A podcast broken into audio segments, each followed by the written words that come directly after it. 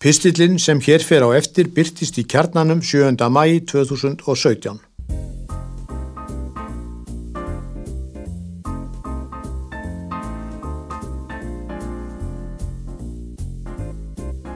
Í Sjálottinlund við Kaupmannahöfn býr gamal maður, Dani á týraðisaldri, marg heidruð stríðsetja vegna ótrúlegra afrega. Þar er þó einn hængur á. Afregsögur hans í þáu föðurlands og bandamanna í heimstyrjöldinni síðari eru hreitn uppspunni og minna helst á frásagnir Munkhásens baróns. Eins og bladamenn vikenda vísen danska komust að í samvinnu við danskan lauruglumann og grúskara. 25. mars árið 2012 var Karl Bretaprins í ofinberi heimsókn í Kaupmannahöfn á samt eigin konu sinni Kamilu Hertogaidju. Mikið var um dýrðir og breski ríkisarfin heimsótti meðal annars frelsissapnið skamt frá löngulínu. Sapn þetta, sem skemmtist mikið í eldi árið 2013, er tilengað sögu hernámsins og ansbyrnu hreyfingar Dana á árunum 1940 til 1945. Hermönum sem tekið höfðu þátt í stríðinu var sérstaklega bóðið í sapnið í tilefni heimsóknarinnar. Þeir sem mættu voru í sínu fínasta pussi og með gljáfæð heiðursmerki í barminum, flestir mörg. Meðal þeirra sem Karl og Kamila heilsuðu upp á og spjölluðu við drúa stund var maður að nafni Hugo Plán. Breski ríkisarfin veitti sérstaka aðtikli tveimur heiðursmerkum sem hinn aldna stríðskempa Hugo Plán bar í barminum. Anna þeirra var heiðuspenningur bresku sérsveitana SAS og hinn penningurinn hinn svo nefnda DSO orða sem er næst aðsta viðurkenning bresku herþjónustunar. Það sem ríkisarfin vissi ekki var að á baklið DSO orðunar stóð með upphliftum stöðum orðið Kobi, eftirlíking. Hugo Plán hafði keift orðuna hjá Skransala í London. SAS heiðusmerkið hafði Hugo Plán einhvern veginn komist yfir fyrir áratugum og sömulegis bandaríska purpurahjartað, Purple Heart, sem hann bar einnig. Þú hefur sannlega upplifað sitt af hverju, saði ríkisarfin og tók þjett í höndins aldna Hermanns. Ó já, svaraði Hugo Plán. 11. november árið 2010 flutti Hugo Plán fyrirlestur á vegum samtaka fyrirverandi Hermanna. Hér verður stikla á stóru í þeirri frásögn.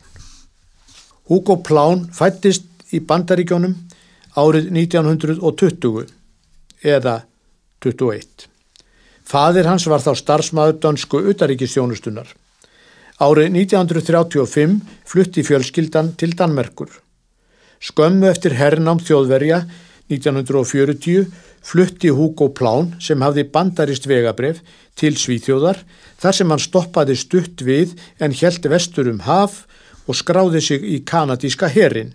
Hersveit hans fór til Englands og þaðan til Egiptalands.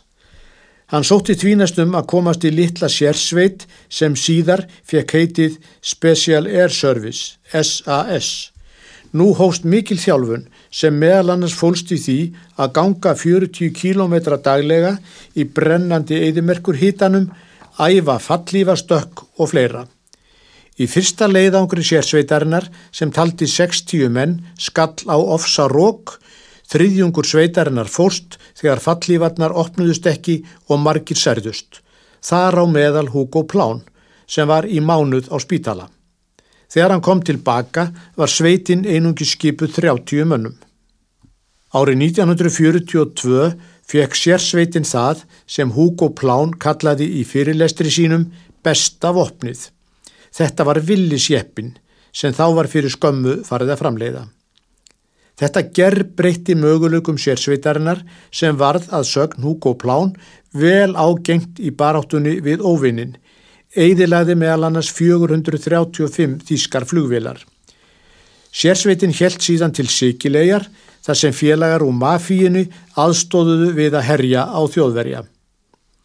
Primitívo víni þeirra ítölsku er frábært, sagði Hugo Plán og uppskar hlátur við statra. Sveit Hugo Plán var meðal þeirra fyrstu sem komu til Berlínar undir lók stríðsins og ástandi þar var ólýsanlegt að sögn.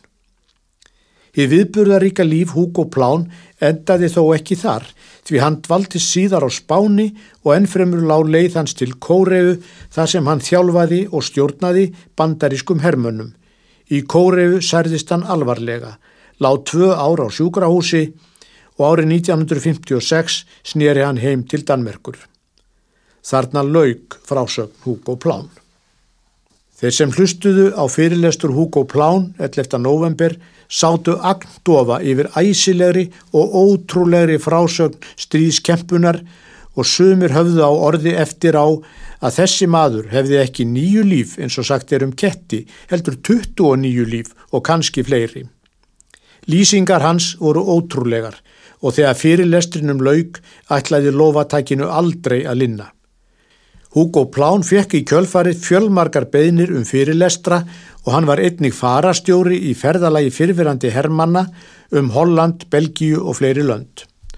Hópurinn heimsóttu meðal annars höfustöðvar Atlasafs bandalagsins þar sem framkvæmdastjóri bandalagsins Annis Fó Rasmussen sagði frá starfsemi bandalagsins. Engar ánæguleg heimsókn sagði Annis Fó síðar. Eins og nefnt veri upphafi pistilsins komust bladamenn vikend á vísen á snóðurum að danskur lauruglumadur hefði rannsakað sögu Hugo Plán og að þáttaka hans í síðari heimstyrjöld hefði verið með nokkuð öðrum hætti en frásögnin sem fyrirverandi hermenn hlítu andaktugir á 11. november 2010. Lauruglumadurinn sem er frístundagrúskari hafði fundið í Danska ríkiskjalasafninu möppu með nafni Hugo Plán.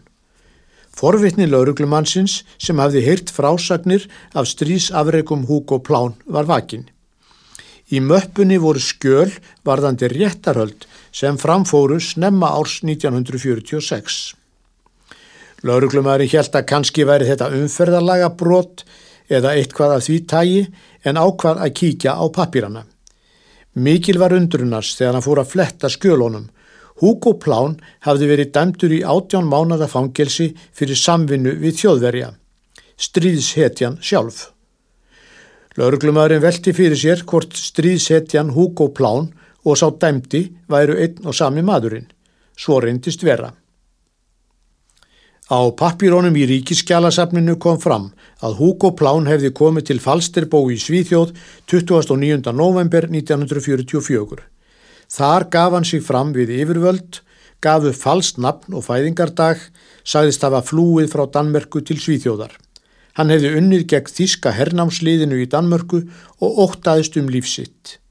Hann hefði fyrr þetta ár særst á fæti og hefði nú fyrst treyst sér í ferðina yfir sundið. Engin gerði í upphafi aðtúasemdir við frásögnans og honu var útvegað húsnæði í Stokkólmi. Fljótlega vöknuðu þó grunnsemtir um að saga Hugo Plán væri ekki allskostar sannleikanum samkvæm. Hann var þá handtekinn og játaði strax að hann hefði gefið upp falskt nafn við komuna til Svíþjóðar. Útskýrið jafnframt í löngumáli að hann hefði njóstnað fyrir dönsku ansbyrnir hreyfinguna þótt hann hefði unnið þjást þýskum fyrirtækjum. Sænska lauruglan hafði hins vegar upplýsingar um að Hugo Plán hefði unnið fyrir þjóðverja og þá játaðan að frásögn sín væri hreitt uppspunni. Hann var þá fangelsaður og satt í sænsku fangelsi til stríðsloka. Eftir að styrjöldinni lauk var Hugo Plán sendur til Danmerkur og þar hófust réttarhöld í máli hans 9. februar 1946. Sankant frásögn Hugo Plán hafði hann vorið 1942 skráð sig í finska herin en ári síðar gengi til liðs við þjóðverja til að berjast gegn bolsjevikum. Hann sótt um starf sem strísfréttarítari og eftir stutt bladamannanámskeið í Berlín var hann sendur til Úkrænu og sendi þaðan fréttir að gangi mála. Í júnimánuði 1944 var Hugo Plán svo komin til Galísíu á landamærum Póllands og Úkrænu til að senda fréttir. Þar hliftan að eigin sögn af eina skotinu á æfinni, skaut sig í fótinn til að komast burt frá výlinunni. Þegar hann var í Danmörku í fríi eftir að skotsárið var gróið komst hann yfir til Svíþjóðar. í november 1944 eins og áður var sagt.